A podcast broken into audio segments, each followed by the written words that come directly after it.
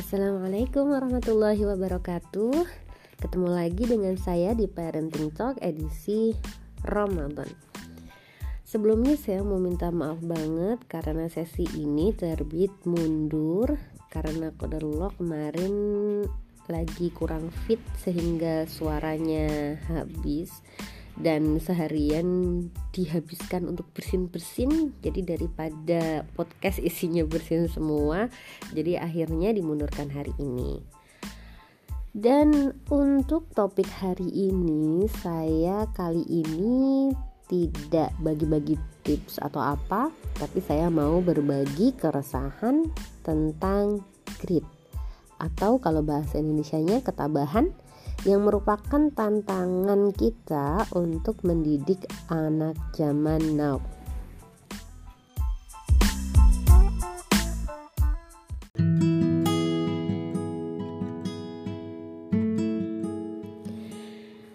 Baik, mulai dari mana nih? Sebenarnya kalau kita mau jujur ya, hari ini banyak banget yang patut kita syukuri tentang perkembangan pendidikan di zaman ini orang tua semakin sadar kemudian sistem pendidikan juga kalau kita mau lihat skor ini juga semakin membaik dan ya meskipun banyak catatan pada kenyataannya eh, pendidikan kita saat ini memang lebih meninggikan sennya, kesadarannya terhadap memanusiakan manusia dan bagaimana menumbuhkan manusia. Nah, di antara manifestasinya adalah dengan semakin dihargainya keunikan individu. Mulai dari karakternya, kemudian latar belakangnya, kebutuhan belajarnya, bahkan sampai gaya dan modalitas belajar. Kalau kita di sekolah mungkin kita akan mengenal tentang istilah kinestetik, auditori, visual gitu ya. Yang mana semakin ke sini kesadaran untuk memfasilitasi keunikan-keunikan semacam itu semakin besar let's say oke okay, memang masih banyak catatan tapi kenyataannya memang lebih meningkat daripada yang sebelum-sebelumnya. Nah kondisi semacam ini memang kemudian diikuti dengan uh, mindset yang menurut saya kurang tepat juga ketika kita pengen memfasilitasi anak dalam hal belajar itu semakin dan semakin mudah. Ya benar belajar itu mesti dalam keadaan bahagia. Ya benar anak bertumbuh ini mesti dalam situasi yang nyaman. Tapi kemudian justru setelah itu tantangan baru muncul. Banyak catatan menunjukkan betapa resiko ketabahan atau grit atau kegigihan generasi zaman now dan yang akan datang ini rendah. Ditambah dengan semakin mudahnya berbagai hal misalnya dari gawe aja ya kita mau nyari apa gitu ketik sebentar langsung ketemu. Atau mau bikin video kalau dulu pakai kamera analog ya susah gitu persiapannya lama. Sekarang gampang banget satu kali klik bisa bikin video. Video salah bisa diedit. Semua yang serba gampang akhirnya melahirkan generasi yang pengen serba instan.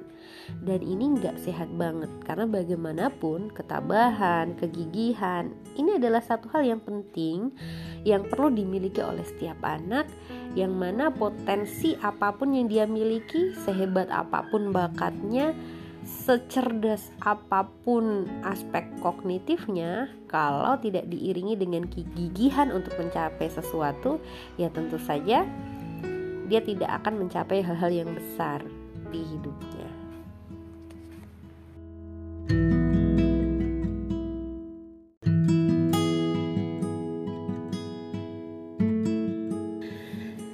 Oke, jadi kenapa kita pilih topik ini? Karena sejujurnya ini merupakan keresahan saya dan suami ya. Ini PR banget dan kita sedang berpikir keras untuk mencari formula yang paling pas sebesar apa kita akan memfasilitasi anak dengan berbagai kemudahan, dengan berbagai rasa nyaman, dengan berbagai kebahagiaan, tapi tetap ada porsi di mana anak butuh challenge, anak butuh dilatih untuk bisa menjaga endurance dalam hal-hal tertentu yang mana mungkin itu akan menembus zona nyaman mereka.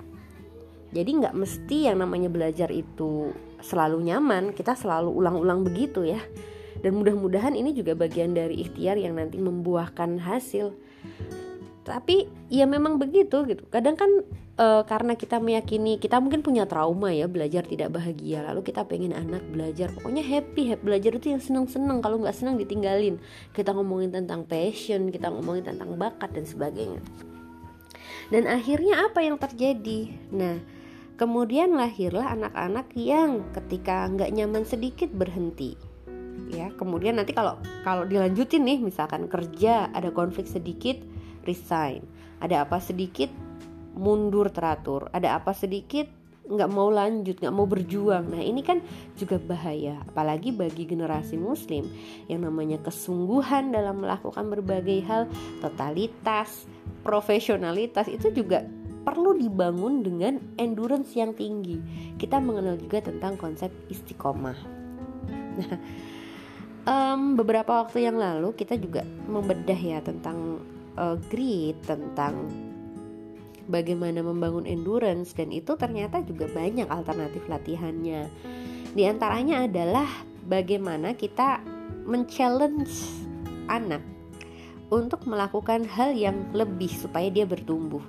Tentu ada ukurannya ya, lebih ini mesti pas, nggak kurang tapi juga nggak berlebihan. Karena kalau berlebihan nanti jadi stressful dan justru nanti kontraproduktif. Jadi kita kasih challenge tapi dalam porsi yang pas. Atau cara yang lain misalnya ketika anak menemukan kesulitan dan dia kok nggak asik sih belajar kayak gini. Nah kita perlu juga menambah proses belajar itu dengan the strong way pemahaman tentang kenapa dia belajar sesuatu, kenapa dia melakukan sesuatu. Contoh sederhana ya ini saya sendiri nggak usah jauh-jauh. Eh ini maaf di belakang rame banget anak-anak lagi pada main. Um, kembali ke topik tadi, contoh saya sendiri ya. Saya ngerti bahwa kesehatan itu penting. Saya ngerti bahwa saya membutuhkan kebugaran untuk bisa beraktivitas dengan prima, baik untuk diri sendiri, dengan pasangan, dengan anak-anak, dengan komunitas, dengan masyarakat. Itu penting banget yang namanya kesehatan, yang namanya kebugaran. Saya paham bahwa agama saya sangat memprioritaskan seorang mukmin yang sehat Nah, kemudian untuk sampai ke sana, ternyata usahanya saya temukan tidak mudah, ya. Butuh olahraga yang konsisten dengan takaran tertentu, butuh pola makan yang sehat, dan ini perlu dijaga secara terus-menerus. Dan pastinya, yang saya rasakan nih, ada ketidaknyamanan-ketidaknyamanan karena godaannya banyak banget. Nah, dengan memahami kenapa sesuatu itu penting, maka akan membantu kita untuk lebih istiqomah mungkin tidak mudah, mungkin tidak bahagia, mungkin tidak nyaman, tapi karena itu perlu, itu penting, kita mengusahakannya dan kita menembus zona-zona nyaman kita. Sama ke anak-anak juga begitu, belajar juga kadang-kadang seperti itu ya. Aduh ini kok susah ya nggak apa-apa, nggak mesti setiap belajar itu mudah. Kadang-kadang ada susahnya, kadang-kadang ada keselnya, kadang-kadang ada BT-nya kita terima itu sebagai bagian dari proses ketika kita menyadari sesuatu itu memang benar-benar penting.